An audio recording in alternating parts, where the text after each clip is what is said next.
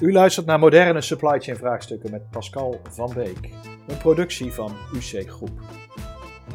Of het nu gaat over digitalisering, robotisering, mechanisatie, duurzaamheid of customer and operational excellence. Ik als vaste moderator Pascal van Beek neem u mee samen met mijn gasten in de nieuwste trends, ontwikkelingen en inzichten. Veel luisterplezier waar we vandaag alweer de, de, de, tweede sessie van hebben. En die gaat over CO2-beprijzing. En zoals uh, de beide gasten van vandaag, Erik en Leon, zeiden, daarachteraan, wie krijgt de rekening? Een relevante vraag, dat zullen ze vandaag uh, ongetwijfeld met jullie uh, gaan delen. Maar misschien voordat ik verder ga, zal ik de heren de gelegenheid geven om zichzelf te introduceren. Um, als ik mag beginnen bij Leon, alsjeblieft. Uh, dankjewel Pascal, leuk dat ik hier mag zijn. Uh, ik ben Leon Simons, een uh, kleine 20 jaar in, in de logistiek. begonnen in een magazijn en geëindigd als operationeel directeur. Ergens in 2010 in aanraking gekomen met het verduurzamen van logistiek bij Connect. daar zelf ook meegelopen in het programma. Uh, eerste ster, tweede ster en zelfs meegemogen naar de klimaattop in Parijs in 2015. Uh, memorale datum, want ik ben, heb op de terugweg ontslag genomen en ik ben voor mezelf begonnen. Kijk. En vanaf dat moment uh, als projectleider bij Lean and Green en bij Big Mal aan de slag. Maar met recht dus iemand die bedrijven kan meenemen in de duurzaamheidsslag die we met z'n allen moeten maken. Dat denk ik al. Mooi zo. En dan Erik. Ja, partner bij UC Groep. Ik ben ook uh, al een tijdje in de logistiek, uh, vervoersbedrijven, uh, expediteurs. Meestal eh, de laatste paar jaren in directiefuncties. Ehm, sector, groente en fruit, agrologistiek. En binnen UC-groep hou ik mij op het ogenblik druk bezig met bedrijven te adviseren om gebruik te kunnen maken van Big Mile. Helder, helder. Kijk, uh, ik kijk uit naar wat we vandaag uh, gaan zien en meemaken. Voordat we verder gaan um, aan, de luisteraars. Jullie hebben de mogelijkheid om gedurende het seminar vragen te stellen. Ehm, die vragen die komen bij mij op mijn, mijn scherm binnen. En daar zal ik zoveel mogelijk gelegenheid voor zoeken om die te beantwoorden, als ik ze begrijp. Ik heb ook wel een keer een vraag gehad, daar, snapte ik zelf niks van. Dat heeft met mijn eigen intellectuele eigenschappen te maken, maar dat kan ik hem ook niet goed overbrengen. Um, maar die ga ik zoveel mogelijk uh, aan Erik en aan Leon uh, stellen, zodat die vraag beantwoord kan worden. Dus uh, schroom niet om dat te doen. Weet daarbij ook dat tussen het moment dat wij dit inspreken en, en jullie het horen, ondanks dat het een live gebeurtenis is, daar 10 tot 20 seconden tussen kan zitten volgens Teams. Um, dus daar kan wel eens wat vertraging op de lijn zitten. We kunnen bijna niet instant reageren. Uh, dat is ook niet helemaal de intentie, maar we zullen zeker de vragen uh, oppakken. Dus dat, uh, dat even ter, terzijde. Um, kleine intro, want ehm, wij organiseren deze, dit webinar vanuit, vanuit UC Groep. Wij zijn als interim en adviesbureau actief in met name de Nederlandse markt. En van daaruit acteren we ook veel in het buitenland. En helpen bedrijven, zoals waar we vandaag voor zitten, met het verduurzamen van hun operatie Um, maar ook met uh, mechanisatie en robotisering van met name warehouse-omgevingen en uh, studies rondom die warehouse-omgevingen en de digitalisering in de supply chain. Dat is, uh, dat is onze core en dat doen we met onze adviesdiensten. En ehm, daarnaast leveren we binnen het supply chain vakgebied gewoon keiharde interim management capaciteit, die, die vaak zo hard nodig is om een verandertraject te realiseren. Dat terzijde, daar zitten we vandaag uiteraard niet voor. Vandaag gaan we het uh, hebben over uh, de CO2-beprijzing en, uh, en de tool Big Mile, maar dat zal dadelijk wel blijken. dat bleek denk ik ook wel een beetje uit de introductie van beide heren. mag ik het woord, ik denk, aan Erik geven? Ja, voor, ehm, daar wilde ik eigenlijk teruggaan naar het ontwerp klimaatakkoord Parijs. Daar hebben we 1990 als referentiejaar en is, daar is afgesproken dat wij in 2030 een, uh, uh, een reductie van de CO2 realiseren, zowel in Nederland als, uh, als in Europa, van 49% ten opzichte van het niveau in 1990. Dat is, dat is significant. Dat doet de Nederlandse overheid, dat is leuk. Europa zeg je ook. Maar ja. wat voor impact heeft dat dan op mij als bedrijf? Het is een afspraak die daar Europees gemaakt is. Dus Mhm. daar ontkomen wij op dat, eh, op, op, op dat moment niet aan. Ehm, aan de andere kant, om daar te komen, eh, moet er nogal wat eh, gebeuren. Dus dat betekent dat eh, bedrijven erg naar hun operatie moeten kijken. En voor de logistieke bedrijven, want dat is toch een beetje de invalshoek die wij overwegend aanhalen, is daar natuurlijk belangrijk van. Stel nu dat, dat je de zaak onveranderd door laat lopen richting 2030, 2050. Waar dreigen wij dan op uit te komen? En dat geeft meteen ook even aan waar de enorme uitdaging ligt om het niveau te gaan halen wat in het eh, akkoord van Parijs afgesproken is. En je ziet daar eh, de factor 6, plat gezegd is het eventjes van, dat is een factor waarmee je ten opzichte van de, de extrapolatie moet reduceren. Maar, en Leon heeft daar ook nog wat specifieker eh, uitleg van welke eh, eh, zaken nog meer in die factor 6 eh, samenhangen. Even Erik, vo- voordat je dan verder gaat, als ik dit goed interpreteer, dan stel dat de transportstromen zouden blijven groeien zoals de verwachting is, dat is die bovenste lijn, Ja, dan komen we in 200 2050 op, op die punt die, die bij 2050 bovenaan laat. Maar de ambitie vanuit Parijs noopt dat we naar die zwarte lijn die aflopend loopt eh, eh, moeten gaan bewegen. ja, En dat is een factor 6 lager, zeg je. een factor 6 lager. Eh, dus dat, Ondanks die 50% reductie moeten we dus een factor 6 verbeteren. wat we, de veronderstelling is dat we wel groeien als maatschappij en dat de behoefte aan transportbewegingen groeit. Ik kan, ik kan deze week wel zeggen dat ik daar een beetje twijfels bij heb. Maar, ja. Nee, maar dat is, het, het, het is een extrapolatie, Ja. ehm, maar wel met, met de nodige realiteit. En ja, die factor 6 komt op een aantal manieren terug. Hier cijfer, cijfermatig zie je hem heel duidelijk van ja, je moet terug naar een zesde ja. van wat het zou zijn zonder ingrepen. En wat ik al zei, eh, Leon heeft daar nog, nog een aantal andere aspecten die onder die factor 6 gerekend worden. De praktische kant die we vaak eh, aan de mensen zelf uitleggen is dat ze ongeveer zes keer zoveel moeten transporteren met dezelfde hoeveelheid brandstof of dezelfde hoeveelheid energie wat ze nu hebben. Zo. Maar toen we factor 6 een paar jaar geleden gingen laden, toen zeiden we van het volume stijgt nog ongeveer 2,4 keer zoveel. En we moeten 2,6 keer eh, minder uitstoten. En dat was ongeveer een factor 6. Dus het was mooi om dat af te ronden. En die factor 6 is ook geladen. En als je, in, eh, als je kijkt in de stroom, als je kijkt hoe we daarover nagedacht hebben. De eerste is hoeveel. Hoeveel moet ik leveren? Als ik structureel te veel of te weinig eh, eh, bestel of geleverd moet krijgen, dan kan het zorgen voor extra vervoersbewegingen of veel lege kilometers. Ja. Je de tweede pakt, dus hoe lang is mijn supply chain nou eigenlijk? Als ik vanuit het zuiden des lands via een, eh, via een hub in Amsterdam terug naar België ga, dan is die supply chain waarschijnlijk te lang en dan moet je kijken of dat anders kan. De derde is de dichtheid van het product en, en de verpakking eromheen. Volgens mij is lucht in verpakking wel een bekend iets. Ehm, de vierde is hoe efficiënt breng ik het daar naartoe, inclusief infrastructuur. Hè, als ik structureel in dezelfde file sta, eh, dan zal het minder efficiënt zijn. Mhm. Maar ook hoe vol is mijn auto en eh, eh, gebruik ik het juiste vervoersmiddel. Nou, de vijfde is energetisch rendement van het voertuig en van de bestuurder.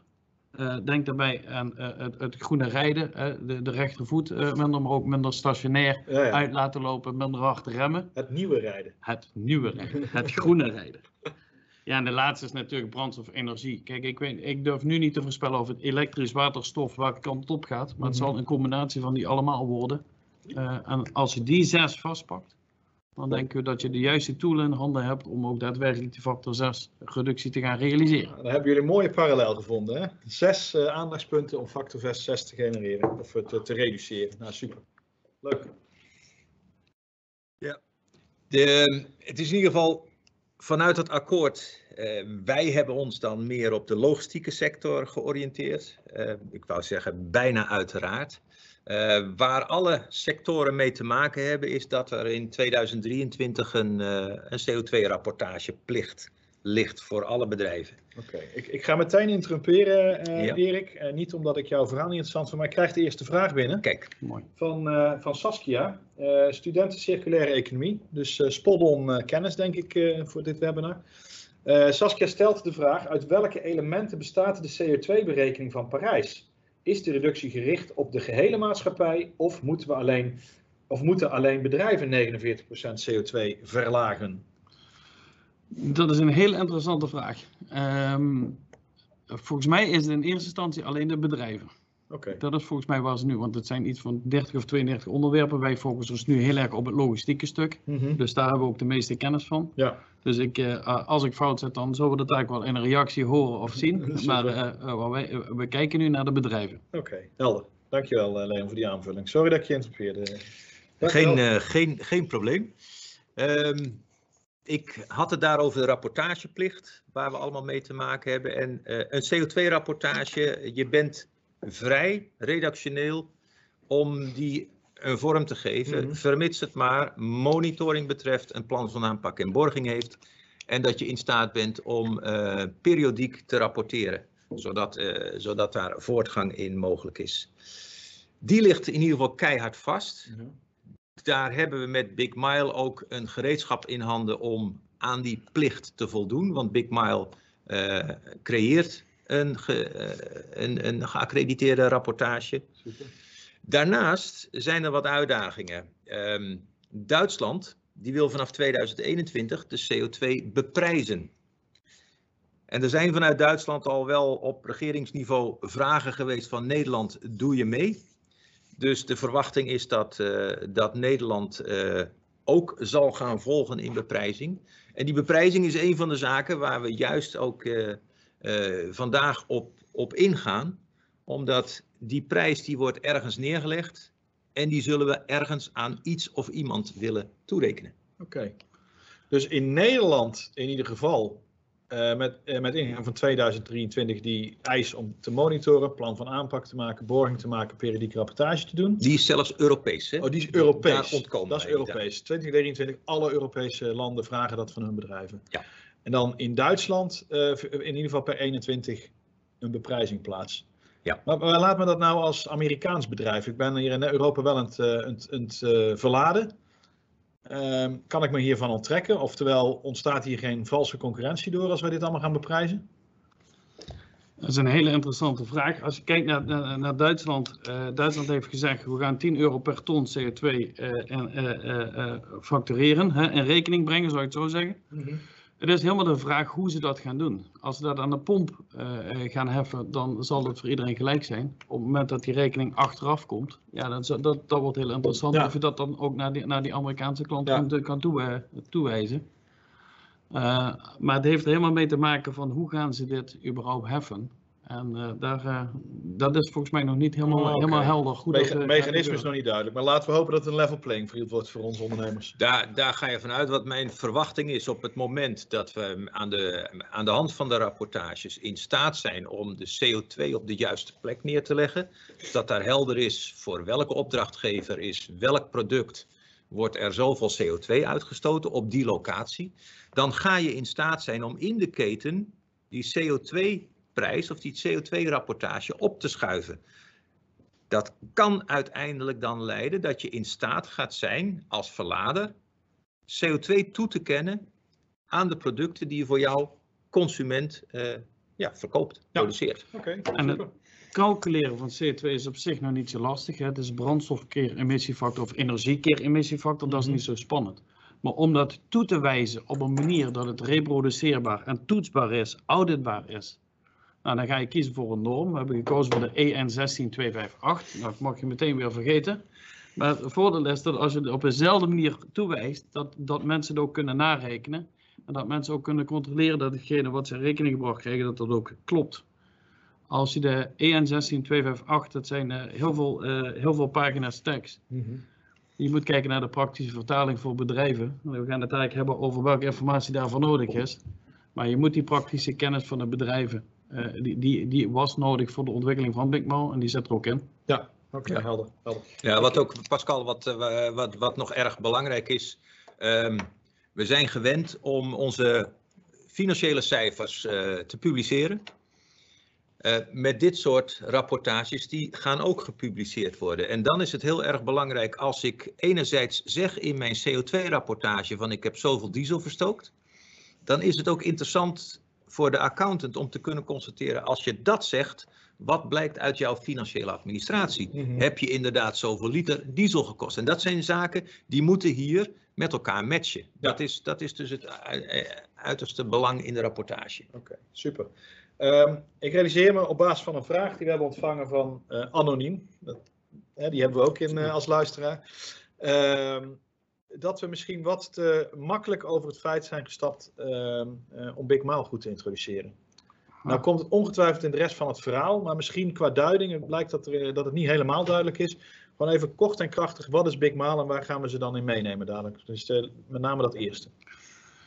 Um, komt eigenlijk uh, is ontstaan vanuit de bedrijven en topsector logistiek. Uh, er zijn twee dingen bij elkaar gekomen. Eén in 2014 is er metric documentatie, stream documentatie geschreven op basis van de COVRED, wat er jaren daarvoor geschreven is. En het gaat over CO2-allocatie. Dus wat ik net aangaf, het calculeren van CO2 is op zich niet zo lastig. Het allokeren is wel moeilijk, vooral als je dat op een eerlijke manier wil doen. Daar kwamen dus twee dingen bij elkaar. Uh, um, Herman Wachter vanuit Topsector Logistiek uh, liep daar al een tijd mee rond.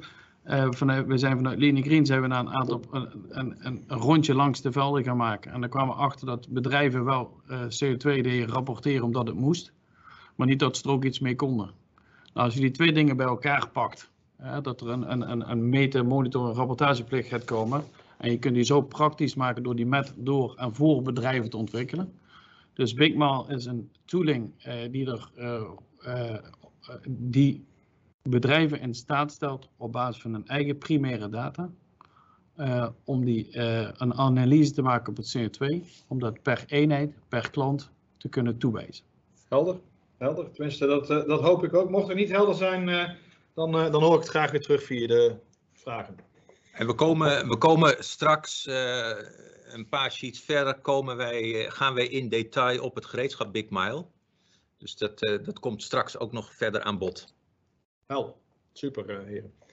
We zijn inmiddels een slideje verder doorgelopen. Daar, daar, lees ik de Perfect Storm op. Ja, perfecte storm is alles, vernietigend, alles vernietigend. Dan komen heel veel elementen bij elkaar. Nou, ik denk dat we allemaal kunnen zien, ook afgelopen weken, kom ik zo op terug, uh, dat logistiek echt wel in een uh, perfecte storm zit. Um, van de ene kant heb je te maken met gewoon leefbaarheid, overheid in steden en omgevingen, luchtkwaliteit die achteruit gaat. Dat is echt wel een thema wat mensen bezighoudt.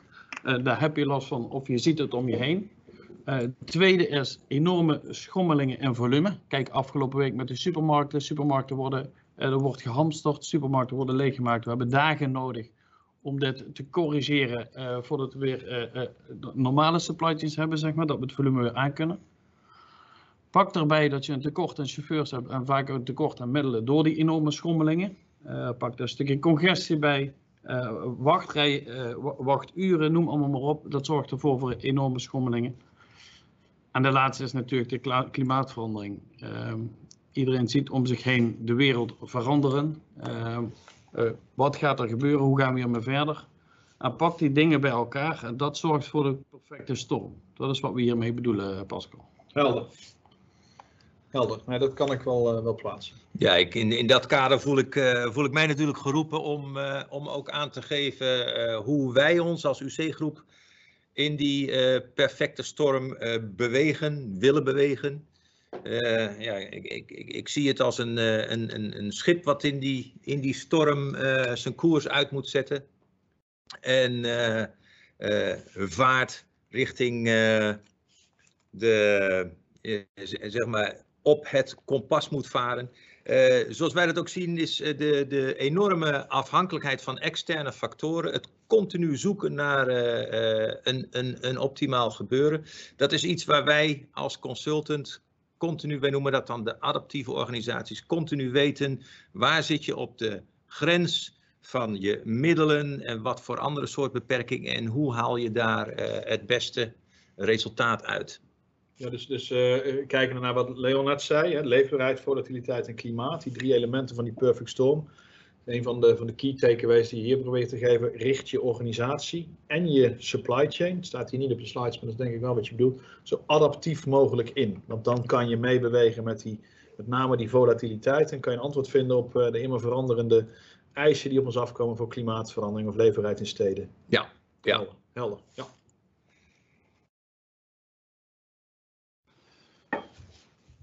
Een kompas in de perfecte storm.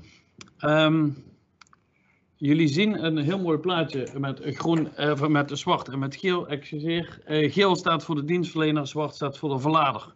Uh, ik weet niet of jullie een groot scherm hebben of jullie het kunnen, kunnen lezen, maar ik vertel het jullie graag even. Ik, uh, ik kan je vertellen, Leon, ik heb hem op groot scherm bekeken. Ik had er zelfs daar moeite mee, maar jij gaat me vast vertellen wat hij zegt. Nou, dan gaan we dat even vertalen. Als je aan de rechterkant begint, dan zie je daar de dienstverlener. En de dienstverlener heeft natuurlijk te maken met rust- en rijtijden, met venstertijden, met een klant, met transport, met bezettingsgraad, met materieelplanning, doksplanning, retouren, emballages, noem allemaal maar op. Een zeer complexe wereld. Er is, aan de andere kant, aan de zwarte kant, zie je de verlader. De verlader heeft ook weer te maken met enorme, enorme complexiteit. Die heeft ook te maken met klanten, met ordergroottes, met replenishment, met personeel, met dokplanning, met warehouse. En daar is niet altijd begrip voor, eh, van de ene kant naar de andere kant. Ja. Ieder gaat ervan uit dat de ander het makkelijk heeft. En dat komt ook nog maar samen op één moment en dat is de levering. En als je dan op tijd bent, dan heb je het goed gedaan als uh, transporteur en anders, uh, anders doe je het niet goed. Dan heb je dan ook nog eens vanuit de markt te maken met die schommelingen, met duurzaamheid en die leefbaarheid in de steden. Mm -hmm. En vanuit de overheid met een stukje wetgeving, infrastructuur uh, en een stukje congestie en, en, en vanuit, de, vanuit de buitenkant. Geweldig. Pak die dingen samen en dat zorgt ervoor dat het best wel complex is. En als je in staat bent om de impact van deze complexiteit te meten, dan denken we dat dat toegevoegde waarde heeft. Want je ziet de impact van keuzes die we maken met z'n allen. Ja. Uh, wat voor impact dat heeft op de totale CO2, de CO2 per eenheid en de CO2 per eenheid kilometer. En dat op klant- of dienstverlenerniveau. Uh -huh. Maar dat gaat dan verder, want je zegt nou CO2 en uh, CO2 per dienstverlener of, of, wat je dan ook wil uh, analyseren. Maar dat gaat verder dan alleen CO2 als je op dat snijvlak zit. Dan heb je het ook over kost, het cost to operate. Kost to operate, kwaliteit, ja. tevredenheid, noem maar, ja. op. We zullen daar, als we wat verder in de, in de, presentatie komen, zullen we ook zien welke onderwerpen dat we nog meer aanraken als CO2. Want het gaat veel verder. Of je nu praat over tijd, of afstand, of belading. Uh, uh, uh, of het nu gaat over kwaliteit, kosten, het zit er allemaal in. Oké, okay, ja, dat, dat, vind ik interessant. En ik kreeg heel erg de indruk hè, vanuit je introductie, het gaat over alleen CO2. Maar het gaat ook over die andere aspecten, kwaliteit, kosten en dergelijke. En daar heb je ook een antwoord op met deze tool. Zeker. Helder. Ja. Ja, wat je ziet waar die twee werelden samenkomen, wat we met Big Mile doen, is uh, data uit beide omgevingen met elkaar combineren om dan uh, de verschillende zaken zichtbaar te maken. Wat Leon al aangaf van uh, het, het probleem om uit te rekenen hoeveel CO2 uit een liter diesel komt, dat is niet het grootste probleem. Maar het is wat, wat veel moeilijker is, is om uit te vinden waar wordt dan om welke reden meer CO2 verstookt voor een bepaalde opdracht dan elders. Deze data samenvoegen en daar uh, met, met de nodige intelligentie tegenaan kijken, maakt dat je daar keuzes kunt gaan maken van is het verstandig om deze klant te bedienen? Is het verstandig om uh, tijdsafspraken waar te maken of moet ik meer ruimte in mijn tijdsvenster gaan vragen, omdat ik daarmee uh, met minder CO2-stoot mhm. hetzelfde kan bereiken? Dat zijn dingen die in dit gereedschap vanuit die data samenkomen en wat, wat je middelen geeft om, om op te gaan beslissen. Oké, okay, helder. Nou, heb, heb ik meteen, want dat is, dat is een vraag die komt binnen. Die is even, even geleden binnengekomen, ja. maar het waren wel wat verder. En ik wist eigenlijk niet goed waar ik hem zou kunnen plaatsen. Dat is een vraag van, van Larissa. Die vraagt hier, wat is true pricing in deze?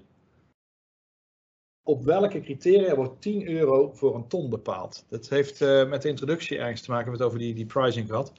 Um, maar misschien voordat we verder gaan, vind ik dit wel een moment om deze vraag even te plaatsen. Is er iets voor Leon om, om, om daarop in te gaan? Gaat dat lukken of moeten we deze offline nemen? Nou ja, zover, zover als ik weet, is dat ze. Um, ik ga even vanuit de logistiek dienstverlener redeneren. Mm -hmm. Een logistiek dienstverlener die weet welke brandstoffen die tankt en hoeveel. Die weet welke energie die gebruikt en hoeveel. Mm -hmm. En als je die allemaal bij elkaar pakt, dan komt er een CO2-rapportage uit. Ja. En dan, dan kijk je hoeveel tonnen erin zitten en dat is 10 euro per ton. Kijk, op het moment dat ze bij de, bij de logistiek dienstverlener neerleggen, dan is die relatief makkelijk. En dat is uiteindelijk aan de logistiek dienstverlener om dat te gaan toewijzen aan, aan voor welke klant dat dan is. Ik, ik denk dat de vraag van Larissa is, waar komt die 10 euro per ton vandaan? Oh, dat durf ik niet te zeggen. Nee? Dat is, eh, nee, dat is, eh, eh, dus het enige wat, wat ik daarin weet is dat het 10 euro per ton in 2021 is eh, oplopen naar 35 euro per ton in eh, 2025. En wat wij horen uit de praktijk is dat dat veel te laag is. Als je ook kijkt naar, buur, eh, als je kijkt naar andere landen, Mhm. in Zweden zijn ze ooit begonnen met 27 euro per ton. Maar volgens mij zit het eh, ergens rond de 110, 120 euro per ton. Ja, maar Is, dit de beprijzing die men op eh, nationaal niveau gebruikt eh, voor de verrekening en het afkopen van CO2? Ja, ik, ik denk dat je hier even in true pricing het onderscheid moet maken. Waar wij met Big Mile naar kijken, is dat we in de juiste verhouding eh, het tonnage CO2 allokeren. Hoeveel er voor een ton CO2 eh, betaald gaat worden, dat, is, dat kan enerzijds een politieke kwestie zijn, dat kan een pijngrenzen kwestie zijn, van het moet pijn genoeg doen om, om iets te bewegen. Maar onze true pricing is eigenlijk, dan hebben we het over de allocatie. Ja. Dus wijzen we de juiste verhouding toe. Maar welk getal aan, eh, eh, zeg maar, welk eurotje eraan gehangen gaat worden, ja. dat is, dat is, dat is politiek. Eh, dat is in ieder geval iets waar wij, wij, wij, hebben on- wij houden ons niet bezig over, over de hoogte Nee, van de doorbelasting. Maar wij houden ons wel bezig met in welke verhouding gaat die waar naartoe. helder. Nee, helemaal helder. Ik hoop dat eh, Larissa haar vraag daarmee is beantwoord. Dankjewel hier. Vergaand op het plaatje van daarnet is eigenlijk, hier zie je een modaliteit van de vrachtwagen. En dit, wat wij hier weergeven, is, eh, is eigenlijk van, stel je voor, jij geeft een, eh, een pallet, geef je mee aan je logistiek dienstverlener.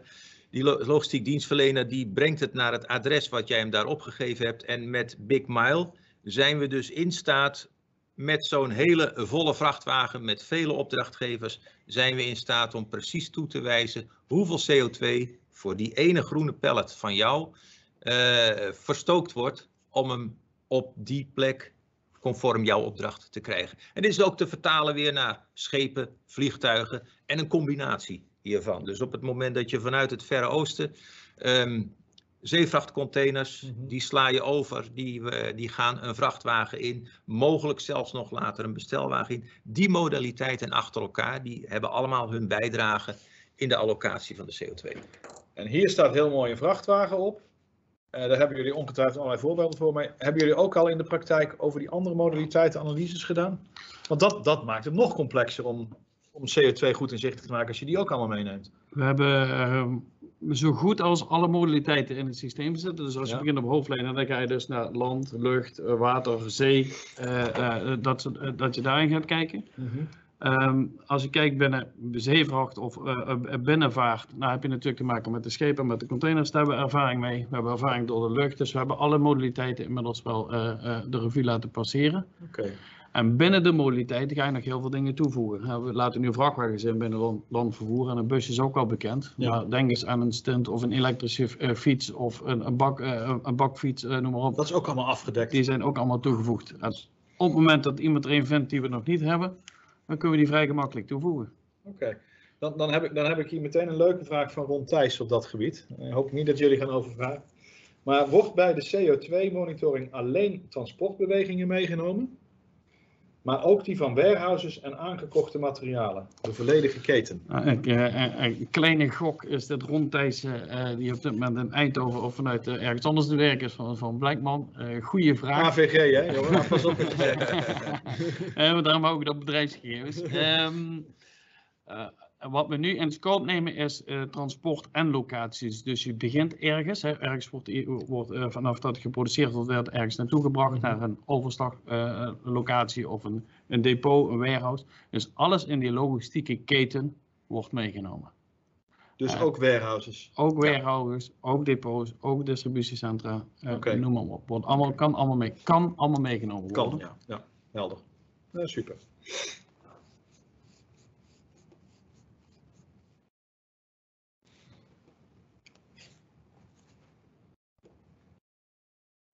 Ja, dan eh, daar kwam net ook al de vraag even, de introductie naar eh, Big Mile. Wat doet dat?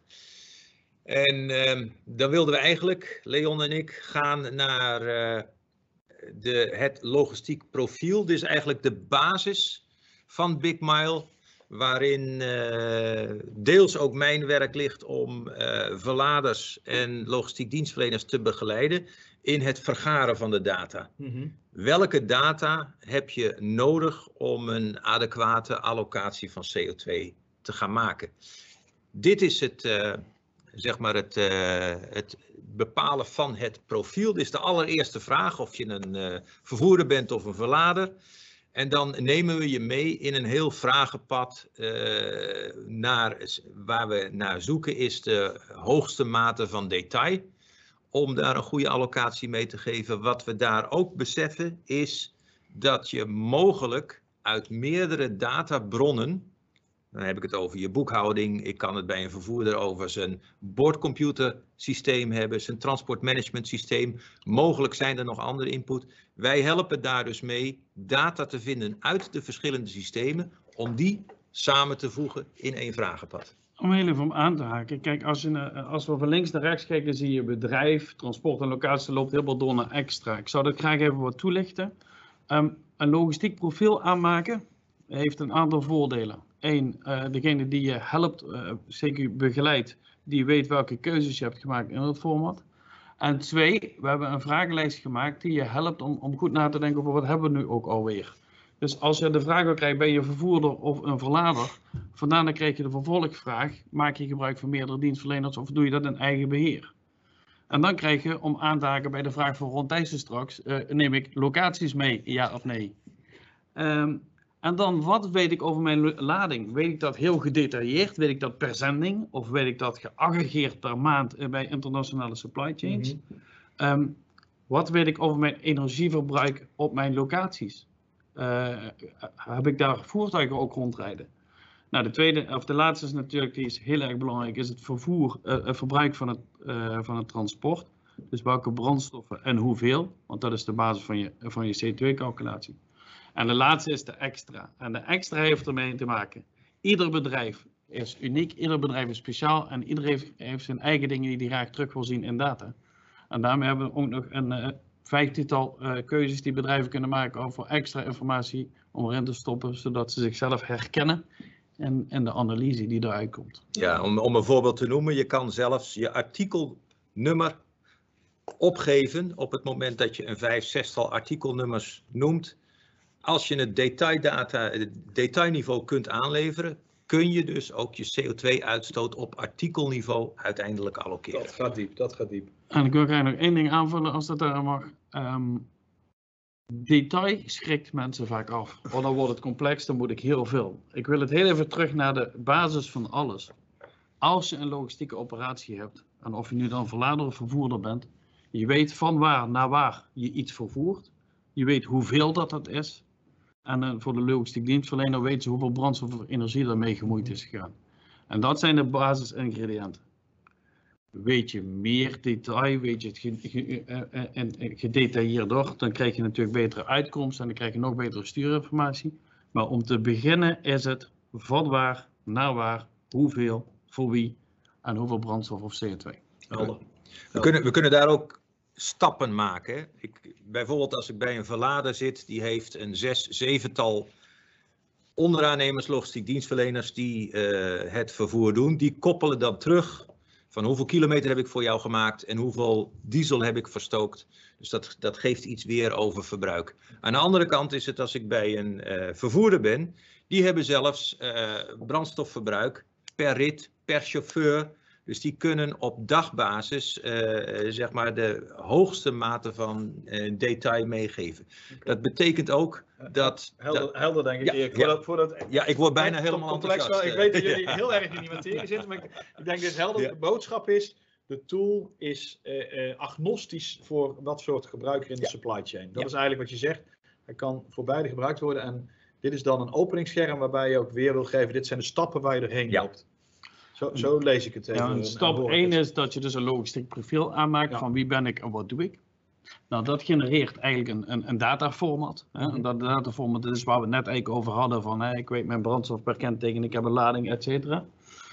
Wat leuk is, is als je die data dus verzamelt, dus als je het logistiek profiel eerlijk hebt ingevuld, dan krijg je ook een format wat je daadwerkelijk kan vullen, want anders moet je even terug naar het profiel. Ja. Maar als je, dat data dan, eh, als je die data eh, in, in, in het format geladen hebt, dan kun je dus ook de gegevens laten valideren. En dan checkt hij eigenlijk drie dingen. Eén, hoe compleet is mijn informatie? Hoe compleet is een regel in de dataset? Twee, begrijp de links tussen de, twee, tussen, de, tussen, de, tussen de data. Wat bedoel ik daarmee? Als je zegt, ik, ik weet mijn brandstof per kenteken per maand, dan moet het ook gekoppeld worden in de zendingsinformatie, is wel belangrijk.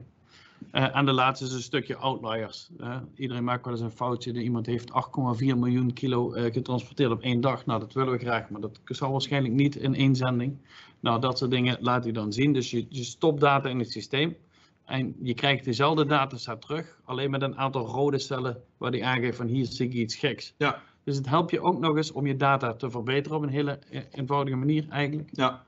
En van daaruit kun je dus kiezen naar een van de drie producten waar we dadelijk uh, ja. ja. Heb ik, heb ik uh, als we dan toch weer over de dataset hebben, heb ik weer een vraag van Saskia. Die had net ook al een vraag gesteld.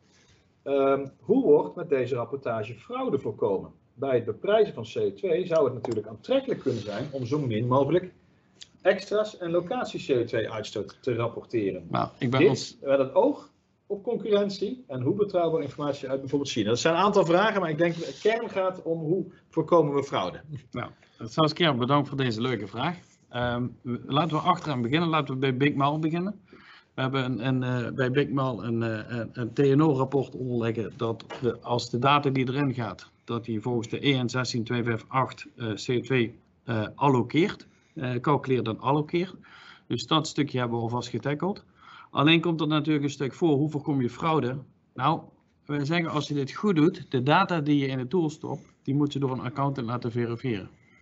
Oftewel, ik ben logistiek dienstverlener. Hoeveel lading, van, uh, hoeveel stop ik erin? Wat stop ik erin aan brandstof? Wat stop ik aan energie? Dat zijn allemaal op zich uh, uh, te controleren getallen.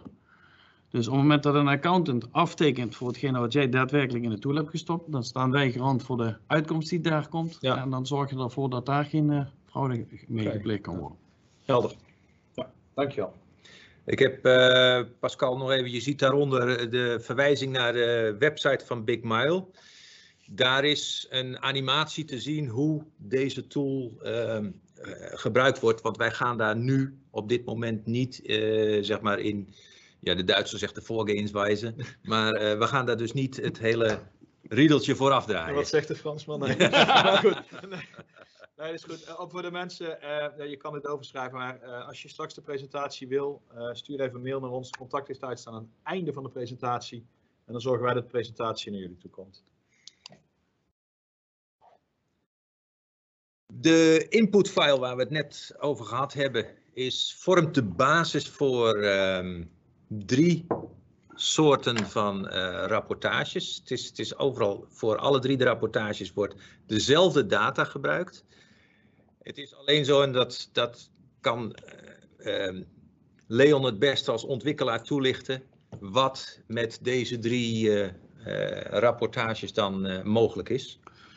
Nou, als we het eerste pakken carbon footprint, dat is gewoon een eenvoudige rapportage. En die geeft je eigenlijk je totale CO2. Die geeft je CO2 per eenheid en CO2 per eenheid kilometer. Dat is ideaal voor je, voor je managementrapportage, voor je jaarrapportage, hoeveel, hoeveel je totale footprint is. Maar ook als je uh, uh, deelneemt aan duurzaamheidsprogramma's zoals Lean and Green, dan kun je dus laten zien je voortgang.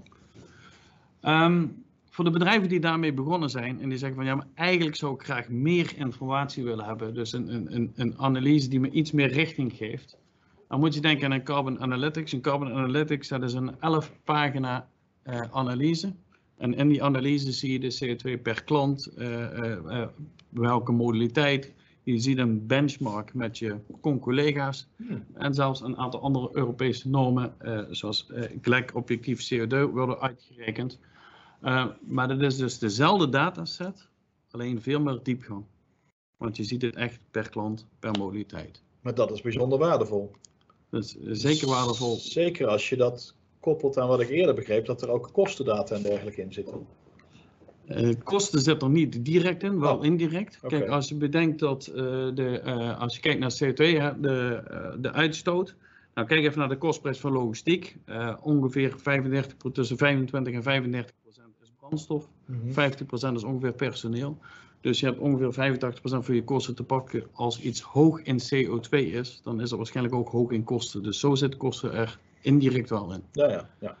Ehm, nou ja, die carbon analytics is, is zeker waardevol. En ja, goed, eh, we mogen vandaag zelfs een beetje tracteren. Want eh, iedereen die vandaag in de webinar zit en eh, nog nooit carbon analytics heeft geprobeerd, bij deze eh, het aanbod, jullie mogen kosteloos gebruik maken van de tooling. Eh, aan het einde van, eh, van de uitzending staan onze contactgegevens in beeld. Dus of je nu naar Pascal, Erik of mij belt, mailt of appt. je mag deelnemen aan Carbon Analytics. En dit is een cadeautje van de topsector logistiek, begrijp ik. Dat is een cadeautje van Top Sector Logistics. Dat is heel mooi om te horen. Die wist ik niet. Ik zag hem niet aankomen, maar leuk om te horen, Leon. Super. Ja, de laatste, de Profit Finder, en dat is dus, eh, eh, die is eigenlijk door de jaren heen ontwikkeld. Toen we in 2016 begonnen met, eh, toen ook Lean Analytics, inmiddels is het dus Big Mal.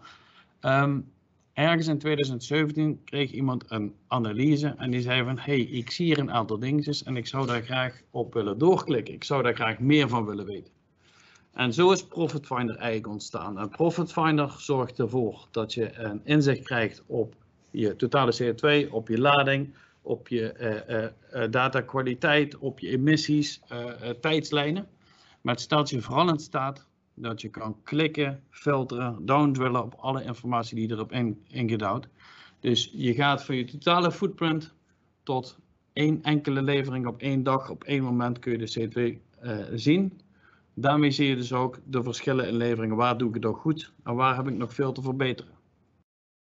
Ja, en dan kom je met Profit Finder kom je natuurlijk op een, eh, op een vlak waar je het kunt gaan gebruiken als gereedschap om, eh, om ook zaken aan te gaan passen, in gesprek te gaan met, eh, met je opdrachtgever, omdat het hier, het confronteert jou en je opdrachtgever met de consequentie van hun zendingpatroon.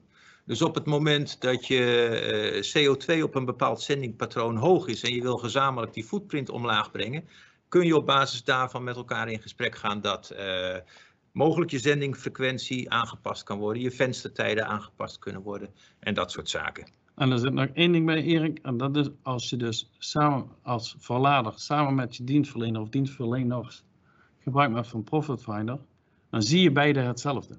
Want je weet dat de uitkomst, hè, dat het volgens de EN 16258 gecalculeerd en gealloceerd is. Maar je ziet beide, zie je dezelfde uitkomst. Je ziet beide waar je kan verbeteren, je ziet beide waar je dat goed doet. En dat zorgt ervoor dat je aan de slag kan gaan met de verbetering en niet zozeer met de berekening. Ja, Dank je. Ik eh, krijg een signaal dat ik door moet klikken. ja. Ehm, dat doen we dan ook even. Ja, want eh, Leon had al eh, aangegeven de, drie- de drie types eh, rapportage. Hier hebben we slechts dan een, een voorbeeld van die Carbon Analytics. Een rapport van eh, een elftal pagina's. En waar je daar dus kunt zien is, eh, het, het brengt in kaart wat je distributienetwerk is. De Pareto-analyses, eh, hoe je in het speelveld staat, dus eigenlijk een benchmark. Dit is wat de Carbon Analytics produceert nadat je je profiel ingevuld hebt. Maar even om aan in te haken, aan de linkerkant boven dan zie je dus een scherm dat heet management samenvatting. En de reden dat die erin zit is, het is leuk om te zien eh, eh, hoeveel heb ik er nou ingestopt aan volume. Eh, wat is nou mijn, mijn footprint, hoe is die berekend, hoe compleet is mijn data. Maar eigenlijk gaat het erom dat je je als gebruiker van BigMail jezelf hierin moet herkennen. Ja, het klopt. Ik heb naar 11 landen gedistribueerd. Ja, het klopt. Ik heb rond de 840.000 ton verstuurd. Ehm, de modaliteiten die je hebt gebruikt hebt, maar ook de datakwaliteit. Jullie zien daar links eh, dat bolletje, daar staat brons, toch? Of het Nee, staat goud. goud, Ja, excuseer. staat de goud kleur. Oh, dat is wel een groot verschil. Ja. Brons houdt namelijk in dat je gebruik maakt van kengetallen. Zilver betekent dat je echte getallen hebt, maar op jaarniveau. Ik, ik, ik denk dat ik even moet interpreteren, want ik kan je niet volgen, dus ik denk de luisteraar ook niet. Wat, Ah, wat bedoel nee. je met brons en goud en waar kijk je nu? Als je ehm, eh, gebruik maakt van eh Big dan eh, krijg je op basis van de antwoorden die je geeft, Ja, krijg je een datakwaliteitsstempel. ja. En wij onderscheiden eigenlijk daar nu drie niveaus in. En dat is brons, zilver, goud. Dat Mhm. heb ik me niet goed uitgelegd. Brons betekent dat je dus, dus dat, dat je voor je brandstoffen bepaalde kengetallen meeneemt. Dat kan zijn klikgetallen, dat kan gewoon zijn van c2emissiefactoren.nl, Ja. maar dat je geen echte getallen hebt. Als je zilveren data hebt, dat betekent echte data op jaarniveau, maar die toetsbaar zijn eh, eh, eh, door, door derden, oftewel je brandstofrekening, je energierekening. En goud betekent al dat je per voer of vaartuig per maand, per voertuig of vaartuig per maand weet, dus Helder. meer gedetailleerd. Dank, dank voor de toelichting. Ja. Dus dit geeft wel een, een, een- ja, dit is natuurlijk een, een samenvatting. Het rapport zelf is veel diepgaander, maar dit geeft wel een beetje een flavor Ja. van, de, van de analysecapaciteiten die in de tool zitten. En ook ja, als, als logisticus naar, dat, naar die slide kijk met management summary, dan geeft me ook een beetje het gevoel dat is volgens mij een redelijk complexe supply chain die daar in kaart is gebracht. Want dat dat de capaciteiten zijn van de, van de tool. Ja, het is verder ook wel leuk om te ontdekken als je enerzijds weet van eh, mijn wagenpark heeft eh, ehm, zoveel honderdduizend of zoveel miljoen kilometer gedraaid, dan is het ook natuurlijk wel de proof of the pudding om te kijken, heb je de juiste data erin gesteld en herken ik mijn totale afstand in het wagenpark, eh, klopt die, matcht Ja. die ook met mijn wagenparkbeheer. Dus dat zijn nog ook weer checks die je daarin doet. Super. natuurlijk. Nou, buiten de complexe supply chains, wat het zullen, als je kijkt, het dient verschillende doelen. De overheid is op zoek naar totale CO2 en totale CO2-reductie. Een verlader wil vaak weten hoeveel CO2 voeg ik toe aan een product, aan, wordt er toegevoegd aan mijn product. Ja. Maar een logistiek dienstverlener wil CO2 per ton kilometer, oftewel hoe efficiënt verstuur ik goederen. Ja. En met dezelfde dataset kunnen alle partijen eh, eh, datgene zien wat, wat hun interesseert. Oké. Dus eh, de ene kijkt naar CO2 per ton, de andere persoon CO2 per ton kilometer. En iedereen kan daar naar kijken. En je hebt beide ook nodig, wil je structureel gaan verbeteren. Als ik da- dan anders kijk, hè, even, als stel dat ik transporteur ben en ik werk voor een aantal klanten. Ik zou met de analyses in dit pakket, zou ik ook mijn klanten kunnen informeren. Eh, wat hun pakket aan impact heeft op CO2 en hoe goed ik dat wel niet geregeld heb. Hè? Dus dat is- je kan heel overtuigend materiaal denk ik aan je klanten overleggen hoe je hoe sustainer je bent. Als je Ja. goed in, je, in je equipment hebt geïnvesteerd, als je je routeoptimalisatie goed hebt geregeld, al dat soort zaken. Maak je hiermee denk ik heel tastbaar ook voor je klanten als transporteur zijnde. Zeker. Toevallig is, ik, ik, ik, had, ik adviseer dan één, één partij die, ehm, die hiermee aan de gang is. En die heeft ook dat ze per klant een rapportje willen hebben. En hun commerciële man neemt dan een rapportje onder zijn arm naar de diverse klanten. Om daar te zeggen van kijk, dit is jullie, de impact van jullie vraag eh, levert deze CO2-uitstoot. Dus dat, die, die gebruiken dat ook commercieel om daarmee aan te Ja. geven. eh, en het, natuurlijk, uiteindelijk moet het zo zijn dat die klant ook getriggerd is van welke oplossing gaan we zoeken om die CO2 te reduceren. Nou, maar die wil ik wel onderstrepen. De impact kunnen meten van een keuze die gemaakt wordt. Het zij die je zelf maakt of voor je gemaakt wordt door een klant. Dat is wel belangrijk om te laten zien wat, wat voor impact dat heeft en wat dat doet. Ja. Eh, Ik heb ehm, ehm, twee vragen die Ja. hier eh, op inhangen. Haken. Eén één is van Jeroen van Kampen, die overigens hartelijk dankt eh, naar de Topsec Logistiek voor het cadeautje. Dus ik denk dat we een mail van Jeroen van Kampen kunnen ontvangen. Ehm, eh, in het begin hebben wij gesproken over de factor 6 reductie in 2050. Maar zijn er al concrete eh haalbaarheidsstudies hiernaar gedaan? En hoe ver kom je met conventionele transportmiddelen? Dat is denk ik een vraag voor Leon, die al veel langer met dit traject loopt. Ik vind het heel leuk, eh, die vraag. Ik, ik, ik, ik moet beginnen met een anekdote. Twee jaar geleden, ik, ik werk al een tijdje voor Lean and Green. En als je, het, eh, als je in eerste instantie met bedrijven praat en je gaat zeggen dat ze 85, 90 procent van de footprint in relatieve zin moeten verlagen of 60 procent in absolute zin moeten verlagen, dat klinkt als onhaalbaar. Hetzelfde voorbeeld hebben we twee jaar gehad dat we in Duitsland voor de eerste keer Green Duitsland zaten we met een stuurgroep te praten en dat ze gewoon zeggen, Leon, dat is gewoon niet mogelijk. Ja, Nou, wat we net gezien hebben, een aantal koplopers die al tussen de 40 en 50 procent van de relatieve footprint hebben verlaagd.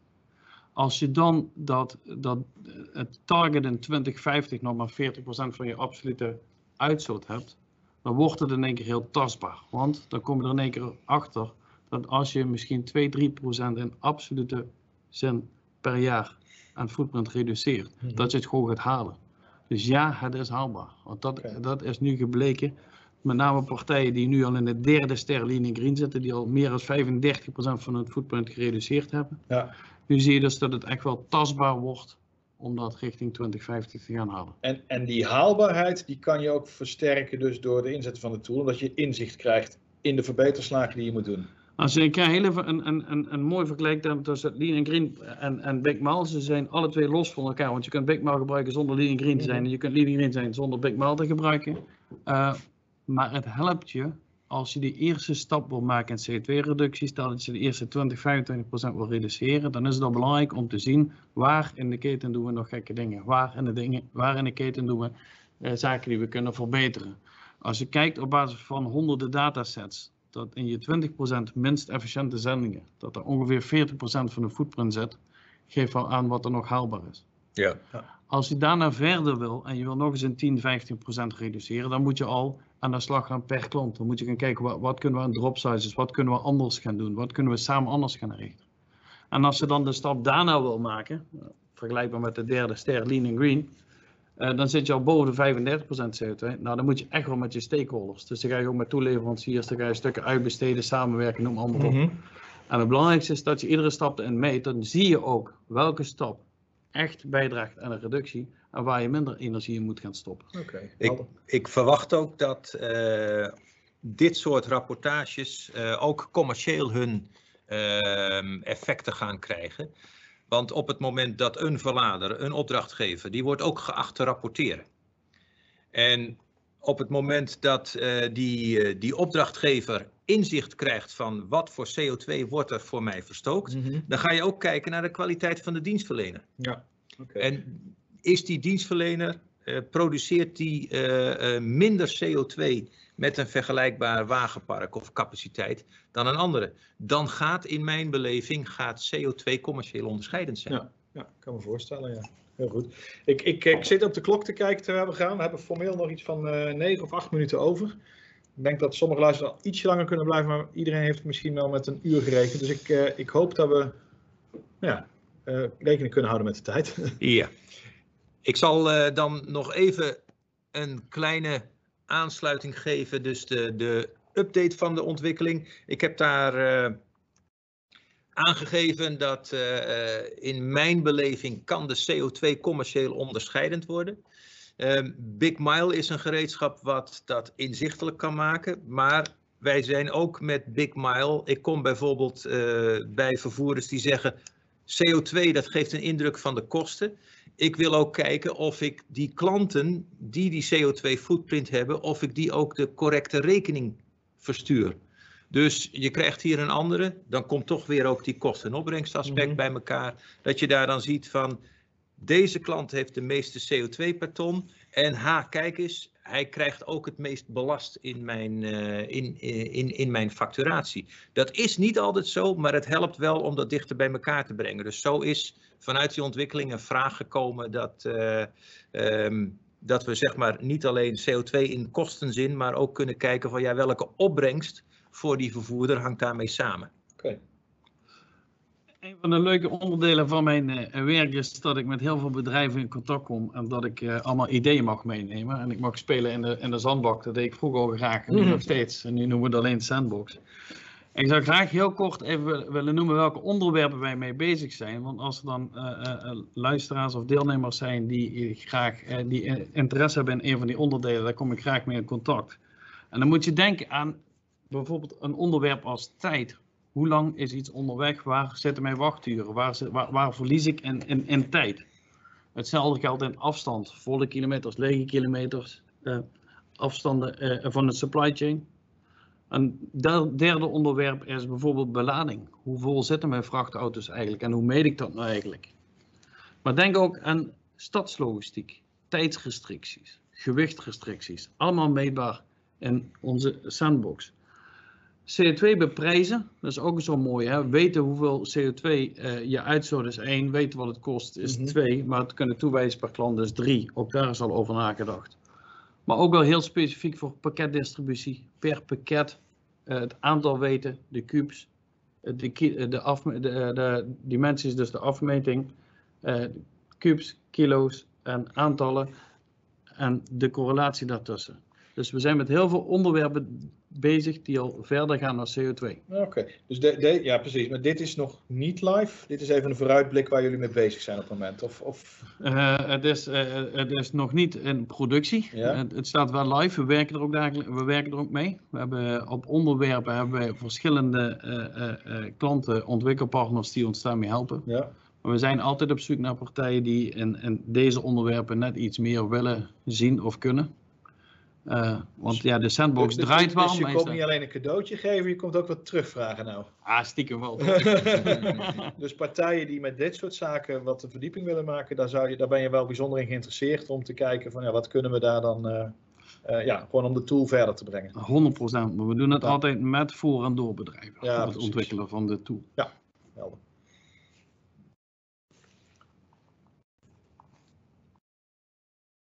Ik denk dat we dan... Dan uh, komen we aan het einde, is mij uh, gesouffleerd. Ook vanwege de tijd. Uh, ik, ik, ik, krijg wel door dat Leon en Erik hier nog langer over kunnen praten. Dus ik realiseer me ook, we hadden ooit een keer een verkeerde aankondiging gedaan. Ehm, dat we twee uur hadden gereserveerd. En misschien hadden we die wel moeten nemen, want er is denk ik nog genoeg te vertellen. Maar ik kan me ook voorstellen dat we anders nog gewoon nog een keer een nieuwe sessie gaan wijden. Um, ik ben wel even benieuwd, voordat we afsluiten, of er nog, uh, nog vragen zijn die we nu kunnen beantwoorden.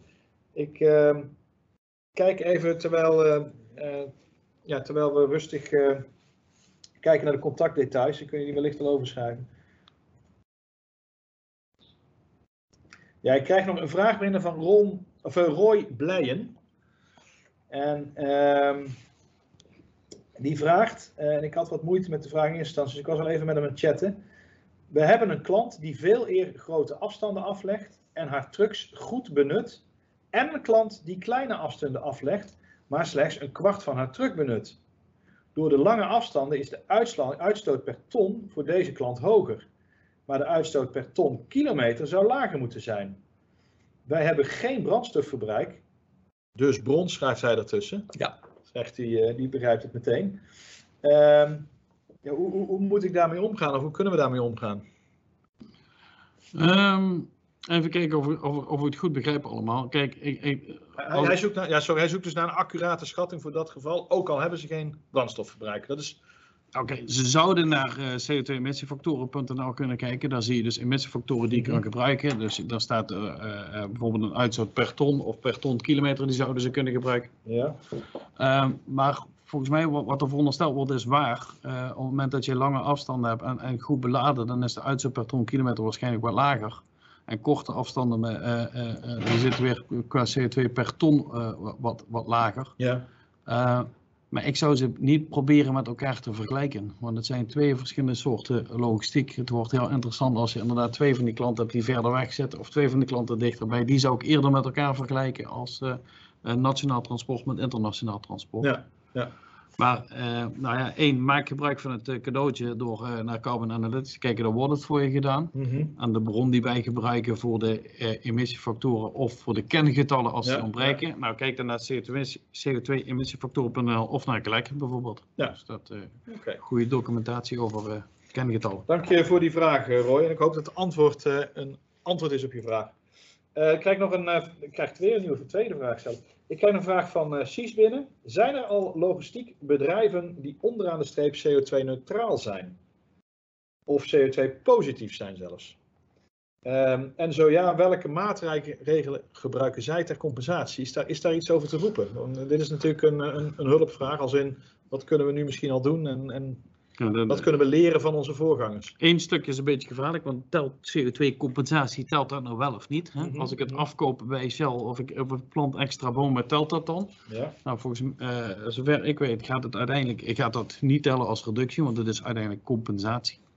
Um, ik hoor uh, sommige uh, warehouse operaties waar een, waar een warehouse klimaatpositief is, daar hoor ik al geluiden van. Ja. Uh, ik uh, ken een voorbeeld van een verhuisbedrijf die alleen met elektrische voertuigen rijdt en dan met groene energie. Dus daar ben je volgens mij redelijk uh, klimaatneutraal. Ja. en in transport, zo weet, durf ik nu te kijken ook even naar Erik, dat durf Nee. ik zo niet te zeggen.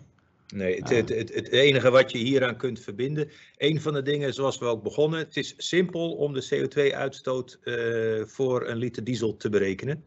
Daarmee kun je ook aannemen dat op het moment dat het wagenpark dat verbruikt wordt, uh, zijn emissie als totaal reduceert, dat dat een effect heeft. Op het moment zeg maar, waar je het snijpunt gaat uh, gebruiken, dat die emissie uh, de, dus zeg maar niet gecompenseerd, maar naar nul gaat, dat um, is uit te rekenen, maar ik kan daar nu nog geen voorbeeld van geven. Oké, helder, helder. Goeie vraag, Sies. Een vraag van Jesse. En dat is eigenlijk wel een hele fundamentele als je kijkt naar waar wij mee begonnen. CO2-beprijzing. Wie bepaalt, wie betaalt de rekening? En zijn vraag is, wie betaalt die rekening nou? Geef een antwoord op onze vraag. Ja, ik, ik, ik wil daar wel het voorschot nemen. Uh, in eerste instantie, dat is het, dat is het, uh, uh, het jammere. Degene waarbij het het makkelijkst uit te rekenen is, die betaalt. En dan hebben we het hier bijvoorbeeld over een logistiek dienstverlener. Die een liter diesel koopt, die verstookt, die kan het makkelijkste de rekening krijgen. Waar wat nodig is en waar dit gereedschap ook zo belangrijk is, die logistiek dienstverlener die zal die CO2 kosten willen verhalen op zijn opdrachtgevers. En dan komt er een punt van, kan ik mijn opdrachtgever de juiste rekening sturen? En uiteindelijk, wat ik daarmee verwacht, is dat jij en ik, wij als consument, uiteindelijk die CO2-footprint gaan betalen. Of men moet er door in staat zijn om die CO2-print naar beneden te brengen. Juist. Dan, dan, dan is het kostenneutraal. En dat is eigenlijk de ambitie die uitgesproken is. Aan de combinatie van die twee, want uiteindelijk gaat de consument het toch betalen. Uh, waardoor er ook een vraag ontstaat om het anders te gaan inrichten. Dus ja. als je inderdaad, hè, of nu voor het klimaat of voor overlast of, of voor mm -hmm. schommeling en, en, en, en de supply chains en de volumes, uh, waar je ook naar kijkt. Als het beprijsd gaat worden, dan gaat het mensen uh, raken waar het pijn doet in de beurs. En dat is de beste manier om dingen te veranderen. Ja.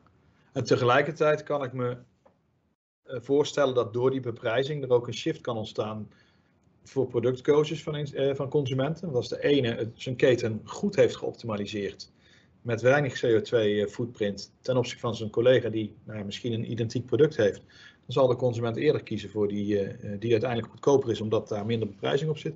En hetzelfde geldt denk ik voor een verlader die een logistieke dienstverlener in. in die zal ook daarop gaan selecteren. Ja, dat ja. zal een selectiecriterium ja. worden. Maar er zit ook nog een leuke. Kijk, we praten nu over toekomst als CO2 beprijsd gaat worden. Maar als je nu als bedrijf, als verlader of logistiek dienstverlener bent, om je footprint omlaag te brengen, dat is ook wel direct geld nu. Mm -hmm. Want uh, iedere, iedere liter brandstof die je niet uitstoot, hoef, hoef je het niet te betalen. Iedere, iedere kilowattuur stroom wat je niet gebruikt, hoef je het niet te betalen. Ja. Dus het is een direct voordeel nu ja. om aan je footprint te werken. Maar ook een concurrentievoordeel in de toekomst. Want als in de toekomst CO2 beprijsd gaat worden en je concurrenten, collega's hebben er niks mee gedaan, dan hoef jij waarschijnlijk je tarieven minder te verhogen ja. als de rest van de markt. Ja. Dus het geeft ook een concurrentievoordeel voor de toekomst. Ja, helder. Heel mooi. Ik uh, heb alle vragen beantwoord. Ik ben heel blij met de interactie vandaag. We hebben maar liefst 16 vragen gehad. Uh, misschien niet gemerkt, maar gaandeweg beantwoord. Ik ben ook heel blij met, uh, met de input van, van Leon en, en Erik hier. Ik hoop dat jullie een interessant webinar hebben gehad. Ik hoop dat we wat interessants hebben kunnen brengen. mocht je nog meer vragen hebben, hier staan de contactdetails alweer even op het scherm, dus uh, doe dat vooral. Dan, uh, dan zullen we daar verder op ingaan. En uh, dank voor jullie aandacht, dank voor jullie input. Heel graag gedaan. Graag gedaan, dankjewel. dankjewel.